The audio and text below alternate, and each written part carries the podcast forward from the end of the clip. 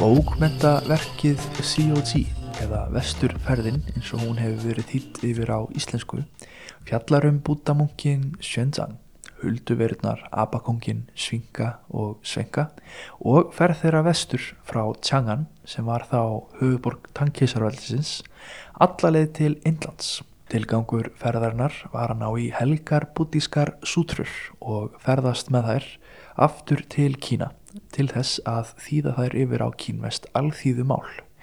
Vesturferðin er æfintýrasaga sem inniheldur margar hulduverur og skrimsli sem reyna að kjamsa á aðalpersonum sögunar þegar það reyna að ganga með fram silkiveginum vestur til Indlands en þar á einmitt bútismi uppransin.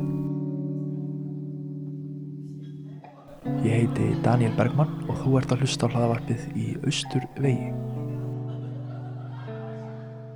Vesturferðin var gefin út á tímum Ming-keisaraveldisins og er söguþráðurinn spunnin út frá ferðmunksins Shenzang sem er sagður hafa farið í pílagrinsferð til Indlands á sjöttu höld okkar tímadals. Frá tíma þess ferðalags til tíma Ming hafði sagan hans flakkað á milli fólks í munlegri geimt og var þekkt víða um landið. Mikið var orft af ljóðum um sögu hans og lög sungin um abakongin en á tíma Ming var þessari sögu loks sapna saman og hún skrifuð niður. Höfundur verksins heitir Wu Chang'an en hann var eiginlega sapnari þjóðsagnana um þessa ferð þeirra félaga sem flakkaði hafði um Kína í gegnum aldinnar. Síðar stimplaði hann safnið sitt með nafninu COG eða Vesturferðin. Í þessu verki náði hann að tvinna þjóðsögunar saman í mjög svo langa en skemmtilega og finna sögu sem hefur flakkað um heiminn allan og náð gífurlegum vinsaldum. En þann dag í dag eru búnar til hundruðir kvikmynda og sjónvarstáta út frá sögupersonum verksins og hafa vinsaldir þeirra ekkert nema aukist með tímanum. Nú nýlega, eða árið 2021 þegar þessi þáttu er byrtur, var gefin út tölvuleikur sem heitir Svarta mítan um Sun Wukong sem er í kýmveska nafnið á Abakonginum sem er einn eftirminnilegasti karakter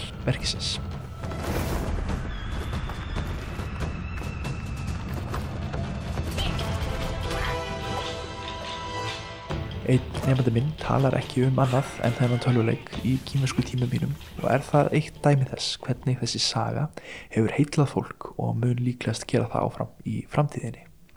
Verkið er hundrað kapla lánt og er hægt að skipta því upp í þrjá hluta. Fyrstu sjö kaplanir, fjallum abagongin, fæðingu hans og líf á heimnum. En þegar hann skreiður ekki úr steini, hófst æfintýrið. Abakongurinn var líka úr steini og fekk síðar undraverða töfra sem gerði hann svo valdmikinn að himnaguðarnir hafðu ekki einu sinni stjórn á honum. Þetta er nokkur skonar sköpunarsaga sem týðkast í mörgum sögum en þegar að steinabinn skrýður úr brotnu ekkinu er hann umkringdur fleiri öpum sem söfla sér í trjám þar í kring og þegar þeir mæta þessum skrýtna apa krína þeir hann sem konungsinn.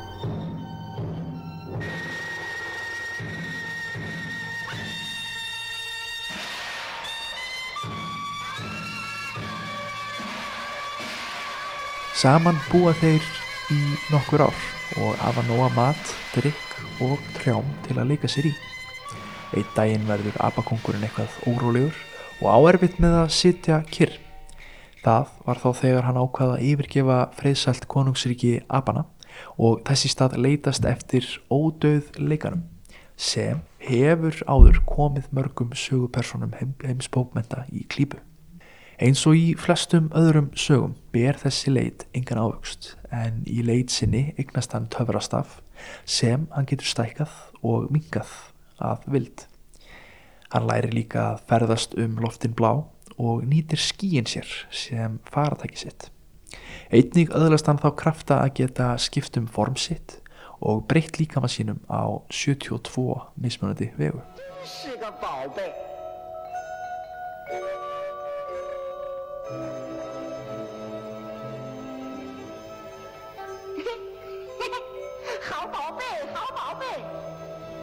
太粗了一点，细一点就好了。 Í þessari leitsinni að ódöðu leikanum mætir hann jaði konungum og fleiri himna goðum. Þar gerist hann lágt settur fulltrúi í þingi goðheima en á meðan hann starfar þar gengur honum illa að haga sér eftir þeim reglum sem settar hafa verið. Hann verður því óralegur líkt og áður og því erfitt fyrir hann að vinna sig upp valdastega himnana. Einn frægasti kapli sögunar um abakungin segir frá því þegar hann gerir uppreist á himnum. Hann borðar dýrlegar en forbáðnar ferskjur eins og sættir og stelur lífseliksir, jáðar konungsins en vegna þess fjall hann í ónáð meðal himna goðana og var gerður útlægur til jarðar. Eins og Hjörleifur Sveinbjörnsson skrifar í þýðingaverki sínu Abakongur á Silkiveginum að þá veðjaði Búta við hann og sagði honum að ef hann geti stokkið úr lofa hans skuli hann bjóða keisarunum að búa hjá sér í hölsinni á vesturhimnunum en Abakongurinn fái hásæti hans. Abakongurinn sem er mjög hrókafullur í eðli sínu veldir fyrir sér hvað þessi heimski Búta væri nú að pæla með þessu og segir honum að hann geti stokkið óra vegu og færi auðvelt með þetta. Hann stökk svo af svo miklum krafti að það hófa rjúka úr eirum hans og þar sem hann kemur niður standa fimm bleikar súlur upp í loftið. Abin telur að hann sé komin á heimsenda og ætlar að snúa tilbaka og rukka búta um sigur launin en dettur í hug að vissara væri að merkja sér staðinn til sannindamerkis. Hjá súlunni fyrir miðju skrifar hann Aba kongurinn var hér og sínir síðan verðingaleysi sitt með því að pissa á istu súluna en súlunar voru þá fingur Búta og Abin hafði því aldrei stokkið úr lofa hans. Búta bendir Abanum á að það sem hann hafi skrifað standi við lungutöng en við þumalfingur mátti finna sterka fílu á abapissinu. Búta breytir svo fingurum sínum í frumefnin 5, málm, tré, vatn, eld og jörð. Hann grýpur svo uppreisnasekkin og býr til fjall með frumefnunum. Undir þessu fjalli setur hann apan og þar má hann dúsa þar til bútíska botti sjatvan Guan Yin á leiðum en jesuitin Matteo Ricci kallaði hann að giðju miskunar á sínum tíma. Búta segir honum svo frá fyr, fyrirhugðum leiðangri eftir helgiritum til Indlands og fær apakongin til að gerast lærisveit verandi sendimanns sem er einmitt Xuanzang. Æsingur Abakóksis í sögunni er svo mikill að eftir því sem líður á söguna er hann því kjartan talin vera aðal persóna sögunar og þegar kvikmyndir og sjónvastættir eru gefðir út frá verkinu er hann yfirleitt hafður sem aðal persóna. Sá æsingur mingar þó með tímanum en í gegnum söguna á hann að hafa lært af munkin og bóðskap Guanin, Bodhisattva kýðunar.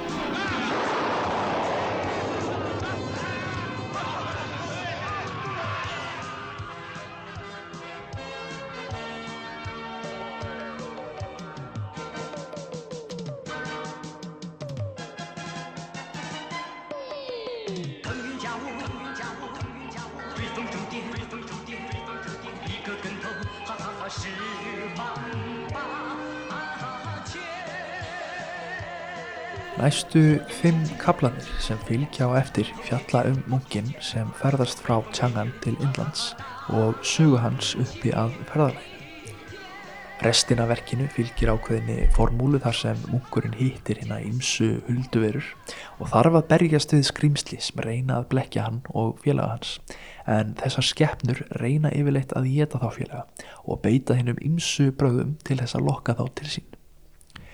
Ævintýri verksins eru 81 talsins og í gegnum alla söguna ferðast munkurinn með þremur verum frá himnum sem hafa í gegnum óþekkt sína gerðir útlagar og sendir til jarðarnar eins og abin hér áður en á jörðinni hitta þeir svo munkin Svensang. Þessar verur eh, eru abakongurinn, svingi sem heitir á kýmensku Zhubaijie og nokkur skonar sandfiska andi sem hann kallast Svengi en hann hefur ekki mikilvægt hlutverk í sögunni og er frekar óáþreifanlegur karakter sem að bætir ekki söguna mikið. Svingi er hægfara og frekar latur karakter sem ferðast um með hrífu sem hann notar til þess að berjast með þegar þeir félagar lenda í vandræðum. Svingi hafði verið hersöðingi á himnum í fjöra lífi en fjall í ónað eftir hann lendi á fylleri og fór á fjörurnar við mánagiðina. Í refsingaskinni var honum breytt í svín rétt eins og nafn hans ber með sér. Saman ferðast þeir vestur til Indlands með það markmið að sækja súturnar þangað en á sama hátt er ferðalag þeirra líka andlegsæðlis því á þessu ferðalagi reyna verðnar að læra af munkinum og ná uppljómun í gegnum nirvana sem er jú hinsta og mikilvægasta markmið bútismans.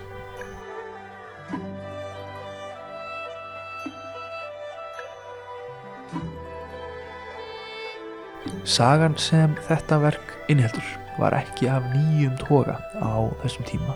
Slíkar sögur hafa verið þölin upp í hundruði ára og gerna nýtt í formi framhaldssagna þegar farið var að rökkra á kvöldin og fólk þurfti á afþreyingu að halda.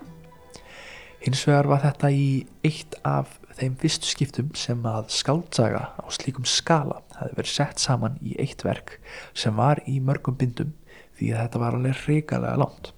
Af öllum þessum æfintýrum sem eru 81 talsins er ekkert alveg eins og hefur hver kapli sína tegund af skrýmsli og nokkur skonar styrkleika og auðvitað veikleika sem að hetjur sögunar reyna að koma stað. Hetjur sögunar hafa líka sína styrkleika og veikleika sem kemur þeim oftar en ekki í klandur. Abakongurinn er mjög rókafullur og snar sem kemur niður á honum í nánast hvert einasta skipti sem er hitta óvinnveikt skrimsli á leðsinni. Í sögunni er hann sagður vera svo kraftmikill að heimna guðirinnir ráð ekki eins og við hann. Samt sem áður kemst hann alltaf í vandræði vegna veikleika sinna. Dubadje eða Svingi eins og hörleifur þýðir nafnans er mjög latur, gráður og einstaklega gröð skefna. Því er það losti hans og gretta sem að kemur honum í vandræði í ófáskipti í gegnum söguna. Skeppnunar sem þeir hitta á förnum vegi hafa einni sína eigin persónuleika og því gaman að renna yfir textan og lesa sögunar. Þegar maður les söguna þarf maður ekki að lesa hana frá byrjun til enda því er tilvalið að stökka fram og tilbaka á milli kabla. Hver kabli hefur sína sögu og enda er þannig að sögumæður bendi lesendunum á að ef þeir vilji vita hvað gerist næst þurfi þeir að lesa næsta kabla. En það er vegna þess að sagan hafði verið í munlegri geimt í allan þann tíma þar, þar til hún var loks skrifið niður á tíma minkeisarveldsins. Stuttar þjóðsugur og upplæstur ljóða til dærastýtingar hefur verið vinsæl og ráðandi partur í kýmversku þjó, þjóðlífi alveg síðan á tímum tankesarveldsins. Á tímum minkeisarveldsins skrifuðu konfúsjanísku fræðimennir Su Guanqi, Xu Xiake og Song Ying-sing mjög áhugaverð reynd um hitt og þetta. Þær greinar og rít sem komu frá þeim félögum voru af fræðilegu tægi um náttúru Kína og náttúrufræðilegar heimsbyggipælingar sem fylgdu Jésúítónum frá Evrubu. Þetta var allt gott og blessað en reyði samt ekki við sálarlífi alþýðunar sem korki kunni að lesa klassíska kýmersku nýja skildu hvernig náttúrufyrirbriði hefðu sér. Þessi rít voru því ekki mjög aðgengileg hinn um ennjulega Pétri og Pál sem að störfuðu til dæmis á mörguðum höfuborgarinnar. Á þessum tíma var samt byrjað að þróa rittmál sem kallaðist Baihua eða alþýðu mál á íslensku og var það nótendavætni útgáfa af klassískri kímæsku en vestuferðin var einmitt skrifið með þessu rittmáli.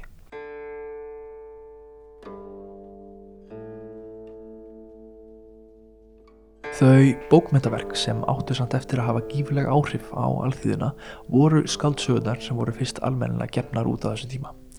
Embætsmenn og afkomundu þeirra sem fengu þjálfun og gáttu notið vístarita vegna þess að þetta fólk gæti lesið e, klassíska kýmnesku sér til gags. En almenningur ríksins sem hafði þó fengið grunnmentun heimaferir eins og kaupmenn og fjölskylda þeirra gáttu lesið þær skáltsugur sem keppna voru út og skrifaðar voru á bæhva eða alþýðu máli. Orðafar og mál þeirra bókmyndaverka hendaði betur almenningi og því dreifdist slíkur kveðskapur víðar. Þeir mentamenn sem vildu grípa tækifærið og græða smá pening á þessar nýju uppfinningu sáu tækifærið til þess að fjölda framleiða slíkar bækur og hófið að prenta eins og enginn væri morgundagurinn. Bækur eins og Fenjasagan, Draumurinn um rauða herbergið, Saga þryggja stríðandi ríkja og Vestuferðin er slengt saman í eitt flokk og kallaðar Sudamingju eða hinn fjögur miklu bókmyndaverk. Ein önnur ekki eins vinsæl en samt mikilvæg í sögulegu samhengi er bókin Jinping Mei sem stundum er kvörluð gullni lótusinn vegna vinsallar kvikmyndar sem framleitt var í Hongkong á 8. áratug 2000-slaðarinnar. Söguþráður þeirra myndar kemur einmitt út úr þessari sögu og hveti alla til þess að horfa. Nafnið á verkinu Jinping Mei er, er kannski betur þýtt sem plóman í gullna vasanum en það er beina þýðingin úr klassískri kímasku. Síðar á tími Ming voru tveir höfundar sem standa upp úr vegna verka sinna, en þetta er mitt mat. Fong Mong Long og Xia Ke voru óheðbundnir einstaklingar á sínum tíma, en þeirra skrif hafa haft áhrif á kímerskari töfunda allt fram til dagsins í dag. Þegar Fong Mong Long var ungur, var hann ástfangin af vændiskonu sem hann vildi giftast. Hann hafði samt ekki efni á því að kaupa hana frá eiganda vændishúsins því giftist hún öðrum ríkum kaupmanni í staðin. Vegna þess skáttu þau ekki hislingur en, en þessi aðskilnaður hafði djúbstætt áhrif á hann og skrif hans. Sár hans finnast í ljóðskriftum hans og sögum en hann skrifaði mjög óhefðbundnar sögur.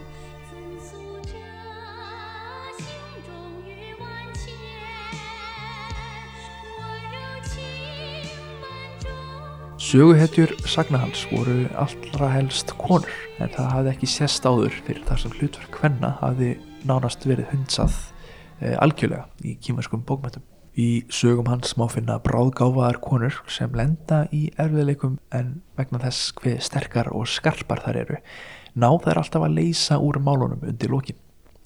Þessi bratti og óhefðbundni Karl var embætsmaður innan embætsmannakerfis sem var þegar orðið mjög spilt og því erfitt að vera heiðalegur og opinskár um þá óbrútnu einstaklinga sem misnótuðu aðstæðunar. Hann gatt samt nýtt sér þessar aðstæður í skrifum sínum og eru því illmennin eða vondukallanir í sögum hans alltaf af þessum toga. Vegna spillingarinnar í samfélaginu á þessum tíma lifðu rithöfundar og listamenn við mikið frelsi til þess að skrifa það sem þeir síndist. Ekki voru mjög strángar reglur í kringum hvað mátti og mátti ekki segja því sjáum við mikinn fjölda verka gefin út í kringum árið 1600.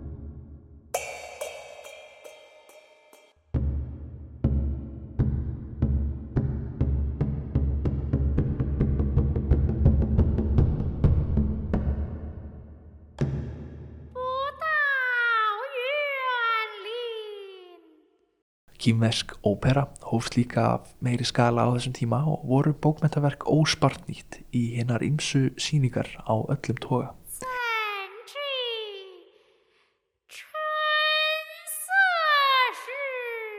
Einnig byrjuðu listamenn að semja sérstaklega fyrir óperusýningar en verka eins og Mudanting eða Bondar Rósarskálin á íslensku sló rækilega í gegn og hefur verið í daglegri síningu síðan.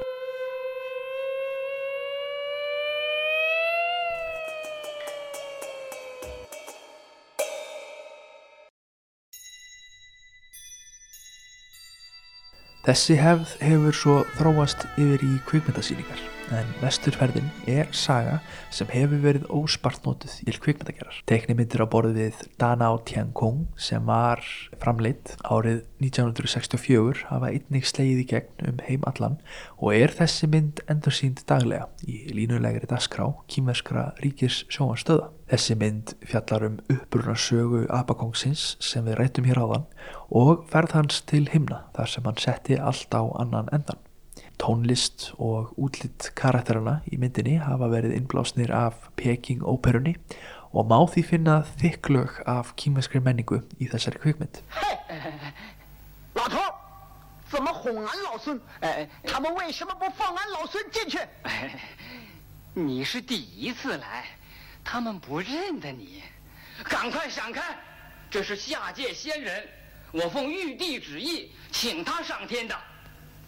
请吧。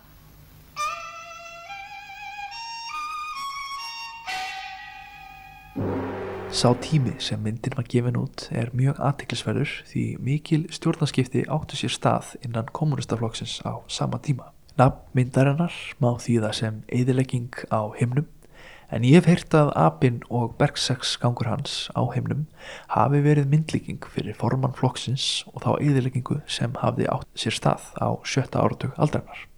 En tveimur árum eftir að myndin var gefin út hófst menningabildingin sem leiti til ennþá meiri eðileggingar. The biggest nation on earth, China, is in turmoil.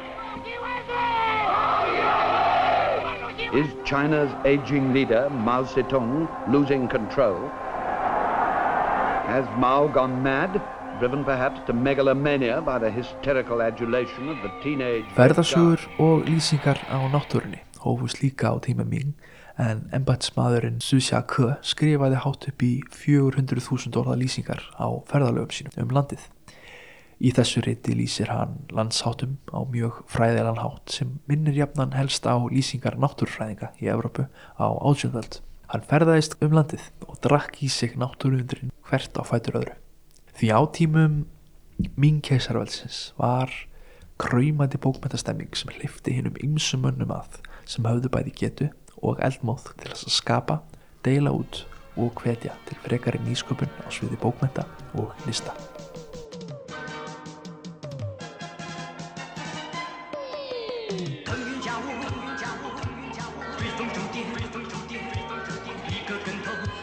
see.